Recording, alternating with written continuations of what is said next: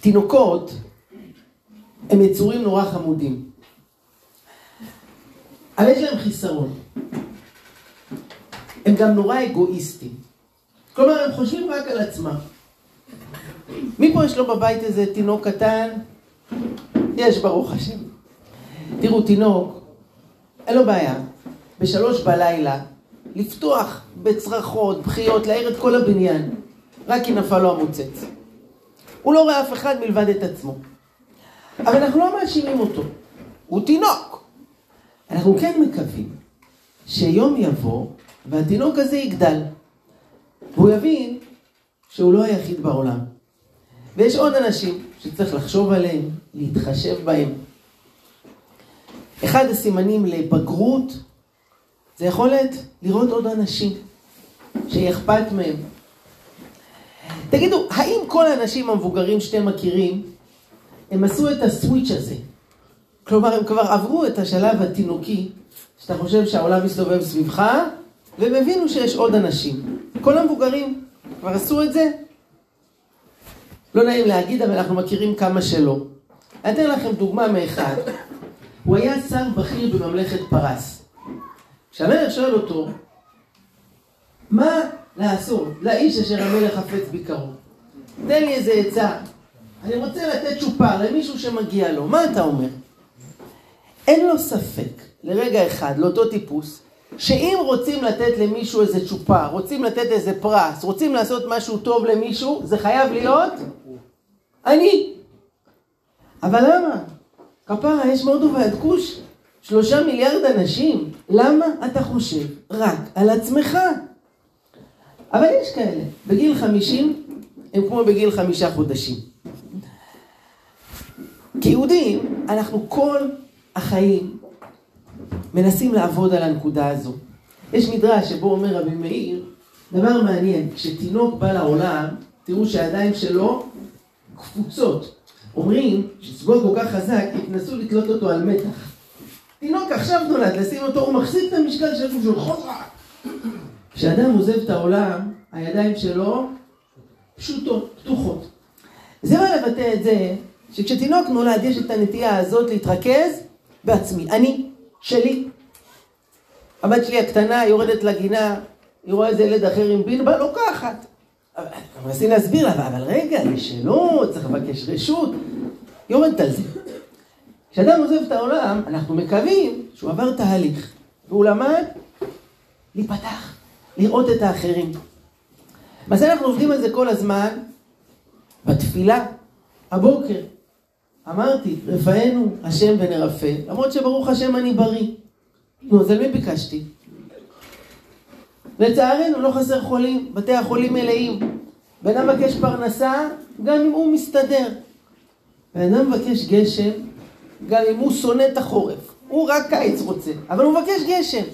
כל הזמן אנחנו מרחיבים את הפוקוס. אנחנו נפתחים לחשוב לא רק על עצמנו, אלא על עוד אנשים, על העולם, על עם ישראל. שבת קודמת, זמנו את ברכת החודש, ושם מבקשים שתיתן לנו חיים של טובה, חיים של ברכה. מה זה חיים של ברכה? אז לרוב אנשים אומרים את המילים האלה, ומה עובר להם בראש? אני מבקש חיים של ברכה, כלומר, שיהיה לי ברכה. זה הפשט, לא? הרב קוק בפירוש שלו על הסידור אומר ככה, מה זה חיים של ברכה? שנביא ברכה לעולם, בחיינו, בפעולותינו, שנחבש לשבורי לב ונזכה רבים לשוב מעוון. מה אומר הרב קוק? מה זה חיים של ברכה? מה אני מבקש? שהחיים שלי יהיו ברכה לעולם. שאני אהיה ברכה. לא שלי יהיה, שאני... זה גם, זה אמצעי אולי. אבל מה אני באמת רוצה? להביא ברכה לעולם. יש לי חבר שהוא רב קהילה. הוא בא לבקר את בן קהילתו שהיה מאוד חולה, שכב בבית חולים אה, על ערש דווי, ממש גוסס. הוא בא אליו לנסות אה, לעודד, מה אומרים לבן אדם שהוא כבר עוד שנייה בעולם אחר? והוא נכנס, והוא רואה אותו שוכב ככה במיטה, חיוור, כחוש, ככה מחובר לצינורות. והיהודי אומר לו, הרב, טוב שבאת. אני חייב לשתף אותך. עלה לי היום איזה רעיון. יש איזה בחורה שמתפללת בקהילה שלנו, רווקה. חשבתי, הרי יש איזה בחור אחד, גר בצד השני של הרחוב, אולי שידוך, הם נראים לי מתאימים, מה אתה אומר? אולי ננסה לגלגל את הרעיון. הרב היה בהלם. שוכב פה בן אדם, עוד שנייה כבר יש לו מפגש עם מלאך המוות. הוא עוד רגע כבר לא פה. ומה יש לו בראש? איך אפשר לעשות שידוך שיש פה איזה בחורה והיא רוצה להתחתן ו... אז הרב אמר לו, תקשיב, אני ממש מתפעל ממך, שאתה כל כך חולה וקשה לך, ואף על פי כן, על מה אתה חושב? איך אפשר עכשיו לעשות טוב, ואיך אפשר לחתן אותם ולעשות שידוך? מה? מי שמשדך אנשים זה שליש גן עדן. אתה אומר, הוא דואג עכשיו לגן עדן שלו. לא חשבתי על זה. אבל אני אגיד לך מה הוא אמר. הוא אמר לרב, ברור, זה הרי גמרא מפורשת. כתוב שאפילו חרב חדה מונחת על צווארו של אדם, אל ימנע עצמו מן הרחמים. כלומר, אפילו אם יש לאדם חרב חדה על הצוואר, הוא כל כך חולה, הוא ממש מול מלאך המוות, לא ימנע עצמו מלרחם על אחרים. ואם מישהו צריך שידוך, יש לו איזה תוקה, אז הוא מרחם עליו.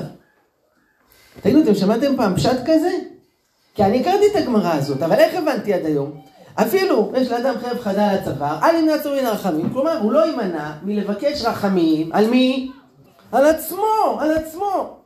איך הוא הבין? לא, גם אם עוד שנייה מלאך המוות לוקח אותו, שלא ימנע עצמו מלרחם על אחרים. ואם יש פה מישהי רוצה להתחתן, יש פה אדם במצוקה, מישהו סובל, תרחם עליו, תתפלל למענו, תעזור לו. סוף הסיפור היה, כעבור יומיים, אותו יהודי נפטר מן העולם. אז רק תבינו מה חומרת מצבו כשהרב בא אליו, הוא כבר עוד שנייה איננו פה. חצי שנה אחרי זה, אותו זוג עמד מתחת החופה. והרעיון הזה, שהבריק בתוכו, הוא ריחם על אחרים, חשב לא רק על עצמו, אפילו ברגע הזה, יצא לפועל. למה אני מספר לכם את כל זה? כל מה שאמרנו פה כל כך קשור לדמותו של הרב דרוקמן, זכר צדיק לברכה, שהשבוע מלאו שלושים לפטירתו. יש ספר שהוא הביוגרפיה שלו, סיפור חייו. אתם יודעים מה הכותרת שלו? במילה אחת? הנני. כי כזה הוא היה.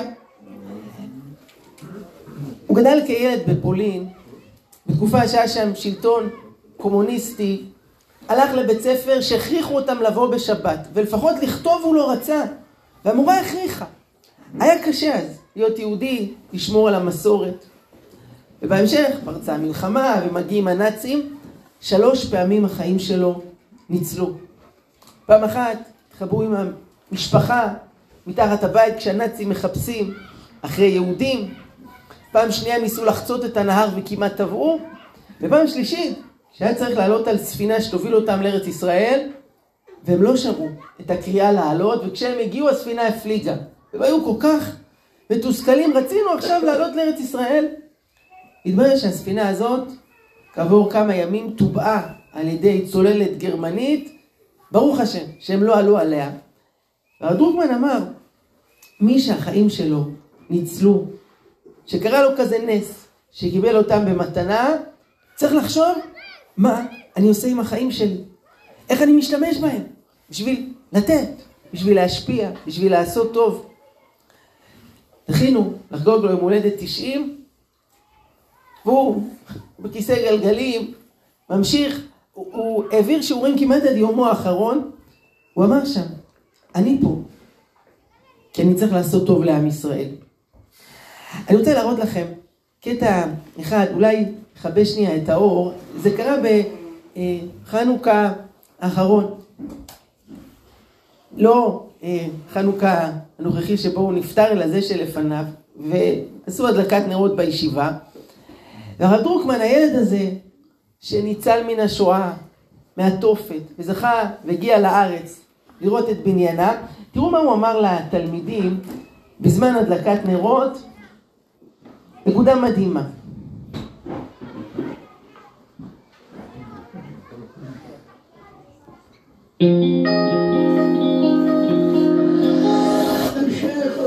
השמחה והליכוד. לא, לא, משפט אחד בבית האחרון של מעוז טוב, איך אנחנו אומרים? חשוף זרוע קודשך וקרב קץ הישועה, נכון? אני צודק? איך הלאה? במקום נקמת אבותיך נו, כן, נו, השעה נו אה, ואין קץ מה פתאום ויש קץ לימי הרעה למה אין קץ לימי הרעה? יש קץ לימי ברוך השם. אני יודע לפני שנות גלות אפשר להגיד אין קץ לימי הרעה היום הזה אין קץ לימי הרעה מותר להגיד, חייב להגיד ויש קץ הרע חשוף זרוע קודשך וקרב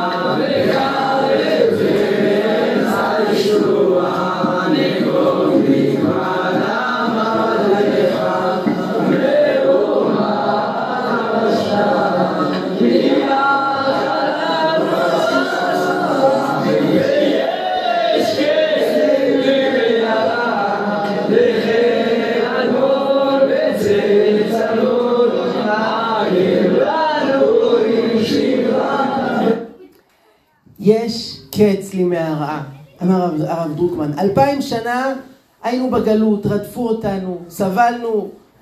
המשפחה שלי ניצלה מן השואה, כך הוא אמר. אבל ברוך השם, אנחנו פה בארץ ישראל, בדור של גאולה, יש קץ לימי הרעה. הקדוש ברוך הוא לא שכח אותנו, והוא גואל אותנו.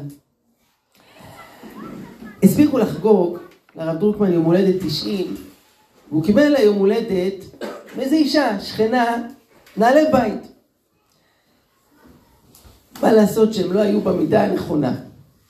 הוא ביקש מבני המשפחה שבלי להגיד לה כלום ילכו לחנות ויחפשו את אותו נעליים בדיוק, נעלי בית, רק במידה המתאימה לו, כדי שפעם הבאה שהיא תיכנס הביתה והיא תסתכל על הרגליים שלו, אז היא תשמח לראות, הנה, הנעליים, נעלי בית שאני קניתי, זה היה מדהים לראות את הרגישות שלו לאחרים.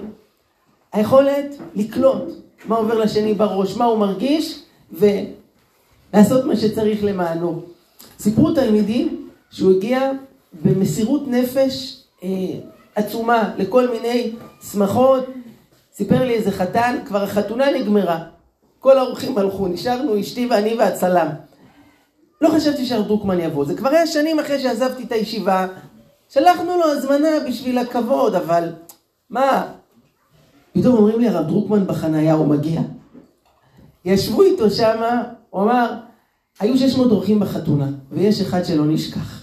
שהגיע בשעת ליל מאוחרת, כבר מבוגר, היה קשה לו, אבל בא לשמח. אני לא זכיתי להיות תלמיד ישיר שלו, אנחנו למדנו אה, בישיבת מרכז הרב, אבל אה, פעמיים, בחיים יצא לפגוש אותו פנים אל פנים. הפעם הראשונה, זה היה, הייתי בחור צעיר, זה היה כשהתחיל הפרויקט של חברים מקשיבים, שמעתם פעם על חברים מקשיבים? נו, קבוצה ממרכז הרב שהתחיל רעיון שיש מספר טלפון שאפשר להתקשר אליו לשאלות והתייעצויות. הרב היה באותם ימים חבר כנסת. והצלחנו לארגן איזו פגישה, אולי הוא יצליח לעזור לנו להשיג קצת תקציבים, אולי לקדם עניינים, הוא בתוך המערכת. קבעו לנו איתו פגישה של 20 דקות. הגענו לפגישה באיחור של 20 דקות. היינו בין אישים, עם הרבה רעיונות, חלומות, אבל לא היינו כל כך עם הרגליים על הקרקע. ועד שנכנסנו לכנסת, ועברנו את הבידוק הביטחוני, ומצאנו את הלשכה שלו בתוך כל מסדרונות הכנסת, כבר נגמר הזמן. וזה היה ממש מביך. בן אדם כל כך עסוק, פינה לנו מהזמן היקר שלו 20 דקות, ואנחנו איחרנו. עמדנו מולו ממש נבוכים ומבוישים. אמרנו, הוא, יכעס עלינו, ובצדק, הוא ינזוף בנו. הרב דרוקמן היה צריך להתייחס למה שקרה. אופן, הוא היה איש חינוך בנשמתו. הוא אמר לנו ככה, בקול הצרוד שלו. הוא אמר, אני אתן לכם עצה לעתיד, מאיש עם זקן לבן. אתם צעירים, בשביל שתספיקו דברים שאתם רוצים, כדאי לכם להבא. אני לא אומר את זה בביקורת חלילה, לעתיד. תתארגנו מראש, בזמן, כי לפעמים, אתם יודעים, עד שעוברים ונכנסים ומוצאים, פשוט שלא תפסידו. אתם מבינים? עצה לעתיד מאיש עם זקן לבן. לא ביקורת חלילה. אני חושב שזו הייתה הביקורת הכי מתוקה שקיבלתי בחיים שלי. ופעם הבאה שנפגשתי איתו, זה היה יותר מ-20 שנה לאחר מכן, הגעתי לפגישה בזמן. זה היה כשהרב רוקמן הוציא את הסדרה של הפירושים שלו על מסכת אבות. אז ארגנו איזשהו ראיון שכאילו אנחנו משוחחים, ואני אשאל אותו שאלות, וצילמו, זה נמצא ביוטיוב, בשיחה הזו. ובין השאר, שאלתי אותו שם ככה לפני פרידה, אם היה אפשר להוסיף עוד משנה אחת למסכת אבות. והכותרת שלה תהיה, הרב דרוקמן היה אומר. אז מה הרב היה אומר? הייתי נורא מבסוט מהשאלה. אה, איזה שאלה יפה, בטח יביא פה עכשיו איזה משפט, אני אעשה מזה כותרת בעיתון.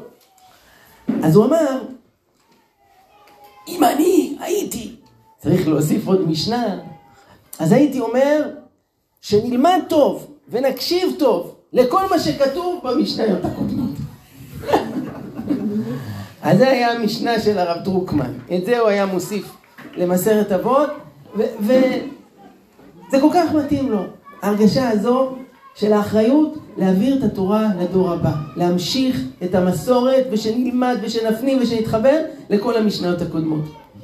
וזה המדהים שבהלוויה שלו היה שם 60 אלף איש בגשם, ביום של חופש, ואנשים הגיעו, והרבה צעירים, והקריין שם אמר שיש ארבעה אוטובוסים שהם ממתינים לבני המשפחה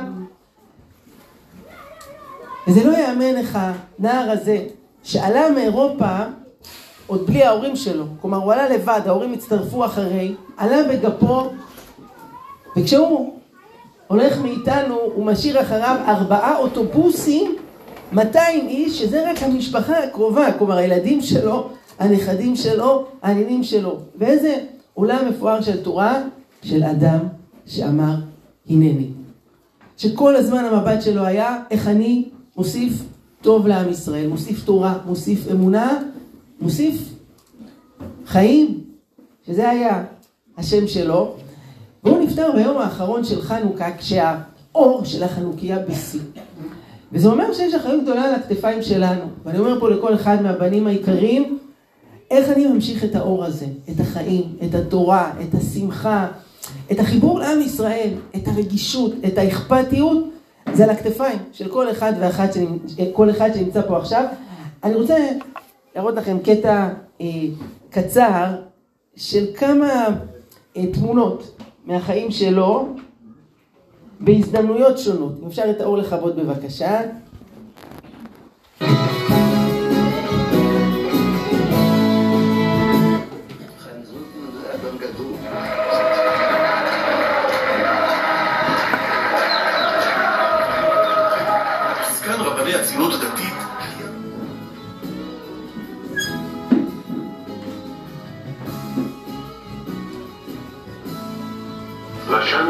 לפניי את המילה פלא אתה.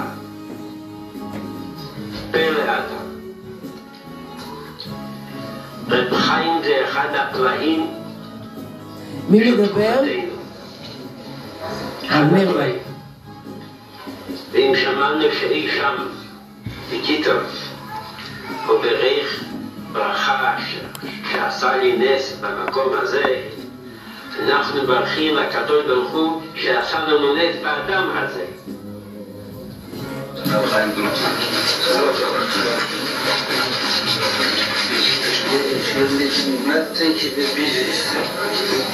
את מי הוא פוגש? מי האיש? הרבי מלובביץ'. ציבור גדול מאוד, הרבה מאוד רבנים. אמרתי שם שמה שהרבי מדריך ישראל, רק זכויות. ולקרב באהבה, זה מה שצריך היום לעשות. רציתי, כשליח ציבור, רציתי לבקש דווקא היום, כשבאים כל כך הרבה עולים מרוסיה, והם לא יודעים שום דבר בתורה ביהדות. מן הראוי שהרבי יקרא לחסידים, בכלל לכלל ישראל, לבוא לקרב באהבה, אוהב את הבריות ומקרבם לתורה.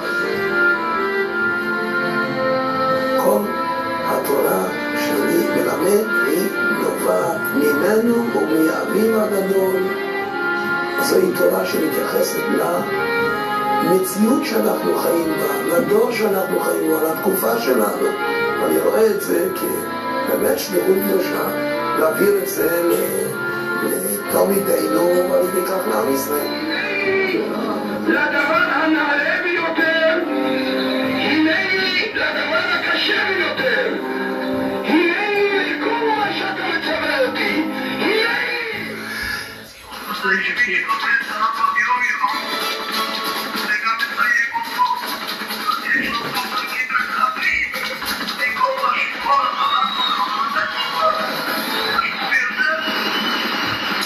הצלתי וגם כן קיבלתי את חיי במתנה. אני בכלל חושב, אדם שכל אחד מקבל את החיים שלו, אז בעצם כל אחד צריך בחיים שלו לעשות משהו.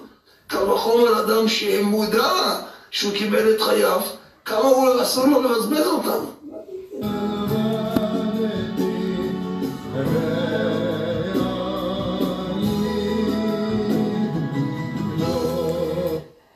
כל אחד, אמר הרב דרוקמן, קיבל את החיים במתנה.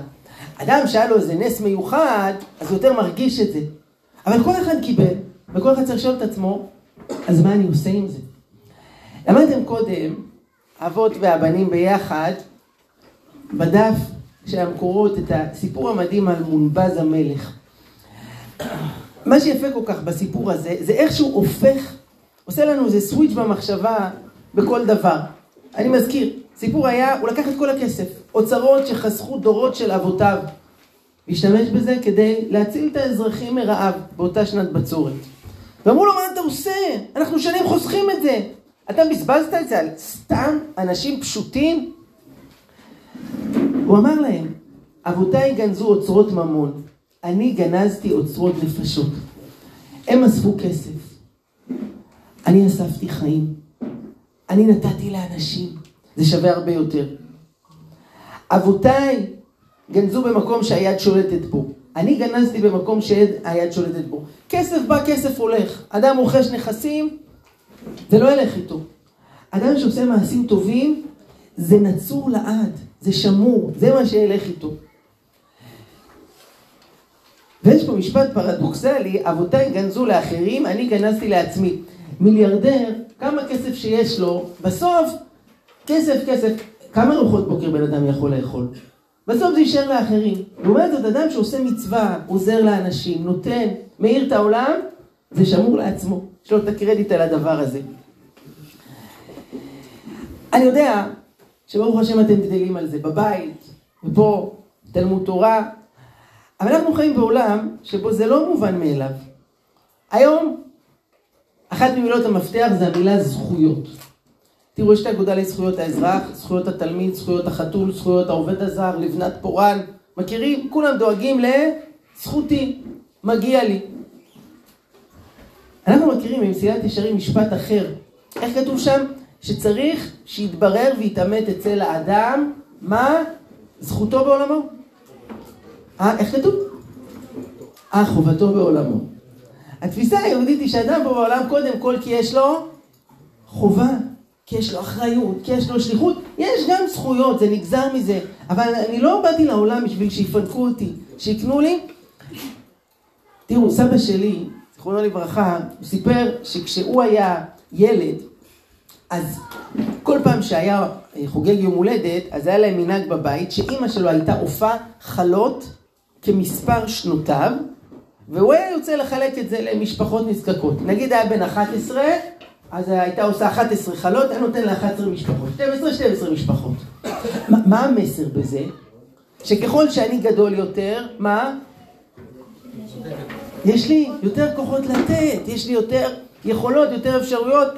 אני מכיר כל מיני ילדים שכשהם חוגגים יום הולדת, מה שמעניין אותם זה לא מה אני נותן, אלא מה אני מקבל. ואם פעם הם הסתפקו באיזה מתנה פשוטה, אחרי זה זה נהיה רחפן, עכשיו הוא כבר צריך מטוס פרטי עוד מעט. זה לא מה התפיסה היהודית, אתה פה, אתה גדול יותר, אתה יכול לתת יותר. עכשיו לתת, וזה חשוב לי, ואני מקרים להגיד לכם, זה לא רק כסף. כשאתה בכיתה ז' או ח', יש לך קצת כסף, חסכת מדמי חנוכה, פה ושם, דמי כיס, אין לך עוד אה, אוצרות גדולים של דולרים. אבל יש לך הרבה אוצרות אחרים לתת, וזה זמין כל הזמן. אתן לכם דוגמה אחת. כולכם שמעתם על הצדיק הירושלמי רבי אריה לוין. הוא היה פעם אחת בביתו, ושמעו דפיקה בדלת. נכנס שם אדם ואומר, רבי אריה, אני חייב לספר לך משהו. אתה מכיר את uh, שלמה, שהיה מאוד חולה ואתמול היה ניתוח? ברוך השם, הניתוח עבר בשלום, הרופאים אומרים שהוא יהיה בסדר. רבי אריה שומע את הבשורה, הוא אומר לו, יישר כוח, תודה רבה שבאת, אני כל כך דאגתי לו, שימחת את ליבי. היהודי הולך, ואחרי חמש דקות, שוב דפיקה בדלת. נכנס בן אדם, מתנשב, ואומר, רבי אריה, אני מגיע עכשיו לבית חולים, אני חייב לספר לך, היה שלמה, ניתוח, הוא, הוא יהיה בסדר, הרופאים אמרו שיחלים בעזרת השם. רבי אריה שומע את הבשורה, הוא אומר לו, באמת? איזה בשורה נפלאה, אני כל כך התפללתי בשבילו, לא ישנתי בלילה, ממש שימחת את ליבי. היהודי הולך, ואחרי שלוש דקות מה? מגיע השלישי, והרביעי, והחמישי, והשישי והשביעי. כולם אותו סיפור, שלמה, ניתוח, הכל בסדר. בכל המקרים, התגובה של רבי אריה לוין, אותו דבר. מה אתה אומר? איזה בשורה? אני כל כך... בני הבית לא הבינו מה קרה. מה, הוא כבר איבד את הזיכרון? יש גיל שקצת שוכחים דברים. הבנו שלמה, כמה... אמרו לו, אבא, מה היה פה? הוא אמר להם, תראו, זה שהגיע שביעי, למה הוא בא? למה הוא התאמץ? כי הוא רצה לשמח אותי. למה אני צריך לגרום לו לתסכול? כי היה מישהו שרץ קצת יותר מהר ממנו. תגידו, קרה לכם פעם דבר כזה? שמישהו סיפר משהו שכבר ידעתם? לא, באמת אני שואל, זה קורה הרבה. תקשיב, אתה שומע? בא חבר, אומר, יש לי בדיחה, אין, לא שמעת דברים כאלה, אתה תשפך מצחוק. אתה אומר לו, ספר. איך שהוא מתחיל לספר את הבדיחה, אתה מגלה שני דברים. א', אתה כבר מכיר אותה 30 שנה, ב', היא לא מצחיקה בכלל. מה, מה אתה עושה במצב כזה, אה? מה, מה אתם עושים? האם אומרים לו, תקשיב, את הבדיחה הזאת שמור לתשעה באב, לא מצחיק, לא... או שמקשיבים עד הסוף וצוחקים, אומרים, יפה, מאיפה שמעת? תגידו, זה קשה לעשות מה שאמרתי עכשיו? זה לא קשה, אבל זה הבדל בין להקטין בן אדם, להנמיך אותו, לזלזל בו, לבין לגרום לו הרגשה טובה. יש אנשים כאלה, הם המבאסים המקצועיים, כל דבר שתגיד להם, קניתי משהו חדש, הם תמיד יודעים להגיד איפה אפשר למצוא את זה יותר בזול ויותר טוב. אתה לא רוצה לספר לו בכלל שום דבר. רבי אריה לוין, הרב דרוקמן, יהודי אמיתי, הוא בדיוק ההפך. המחשבה שלו, איך אני מרים בן אדם? איך אני משמח אותו? ותראו, זה לא קשה, זה בידיים שלנו. הייתה לי גם הזדמנות. זה היה לפני איזה זמן, הייתי בהרצאה ברמת גן. מוצאי שבת, היה קהל גדול. סיימתי, אני יורד מהבמה, ואני רואה איזו אישה אחת הולכת אחריי. אני הולך, והיא בעקבותיי, אז עצרתי. אני מסתובב, אני רואה אישה מבוגרת, עם חיוך גדול על הפנים, היא ניגשת אליי ואומרת, שלום לך תלמידים. אני אומר לה, שלום? היא אומרת לי, אני כל כך שמחתי לראות אותך פה היום. אני זוכרת איך אתה פעם היית תלמיד שלי, ועכשיו אתה, ברוך השם, גדלת ואתה עושה הרצאות, והיה לי כזה נחת לשמוע אותך. אני מסתכל על האישה הזאת, אני אומר לעצמי, ריבונו של עולם, מי זאת? אני בחיים לא ראיתי אותה. אני אומר לה, את יכולה להזכיר לי? כמובן, אתה לא זוכר איך לפני 38 שנה, כשאתה גרת בחיפה, אני הייתי המורה שלך לבולאות. כך היא אמרה. אני יודע, אתם שואלים מה זה בולאות, גם אני שאלתי. תראו, פעם, לפני שהיה וואטסאפ, היה אימייל. לפני שהיה אימייל, שלחו מכתבים בדואר, לפעמים זה גם הגיע. אז היו זה מעטפה, ואז הם מדביקים בול, וככה זה היה נוסע. הדואר היה פעם כל כך חשוב, שהיה שר בממשלה, אתם לא תאמינו שקראו לו שר הדואר. היה שר הביטחון, שר החוץ, שר נתניהו, שר הדואר.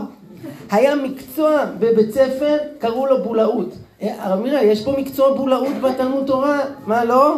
לא, לא לומדים את זה? קיצור, אז היא הייתה מורה שלי לבולאות. עכשיו, זה לא יכול להיות מפני כמה סיבות. א', לפני 38 שנה הייתי אולי בגנון או משהו כזה. שתיים, בחיים לא גרתי בחיפה. שלוש, גם אני לא ידעתי שיש דבר כזה בולאות. תגידו, מה עושים במצב כזה? מה אומרים לה? אה? למזלי נזכרתי בסיפור על רבי אריה לוין. ופניתי אליה ואמרתי לה, המורה, תודה רבה. איזה כבוד בשבילי שמורה ותיקה כמוך, שלימדה מאות אלפי תלמידים, ועל ההרצאה שלי אני חושב שכל המורים צריכים ללמוד ממך כל החיים, להמשיך לשמוע הרצאות, ללמוד, להתפתח. נפרדתי ממנה אחרי שלוש דקות. תראו, לא, לא שיקרתי, אבל נתתי לבן אדם הרגשה טובה. אין לי ספק שכשהיא תיכנס הביתה, היא תגיד לבעלה, חיימקי, אתה לא תאמין את מי פגשתי היום. תראו, קרוב אליך הדבר מאוד, בפיך ובלבבך לעשותו. להגיד הנני גם על הדברים הקטנים האלה. ואני מכיר, לא צריך כסף בשביל זה. צריך להיות יהודי עם לב, שאכפת לו, שהוא פתוח, שהוא קולט, והעולם נראה אחרת. עם ישראל נראה אחרת, זה בידיים שלנו. אז אני רוצה לחתום ולהראות לכם פה קטע אה, אחרון, הזמן קצר, יש עוד אה, הכנות לשבת. אני אפשר את האור לכבות.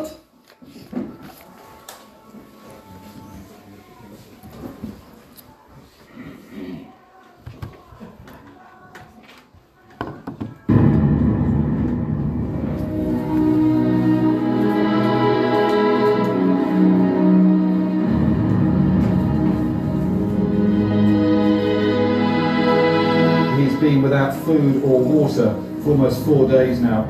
Then, as dusk comes, the man is pulled free and into the light. I feel great, and uh, we have to save uh, we have to save more lives.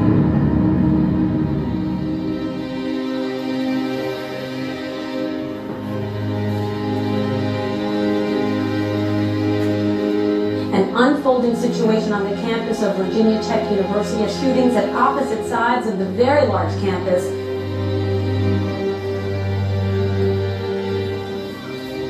This brave professor blocked the door with his body while his students fled to safety.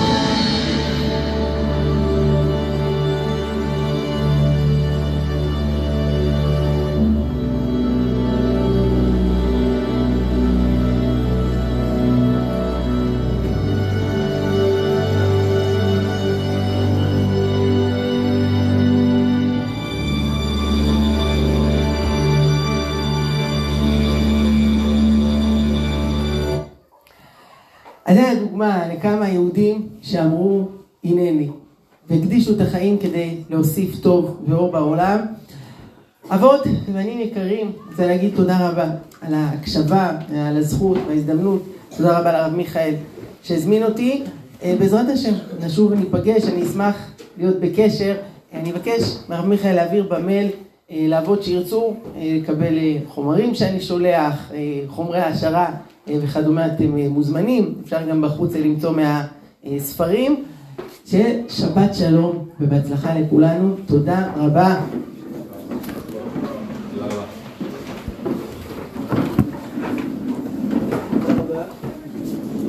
תודה רבה.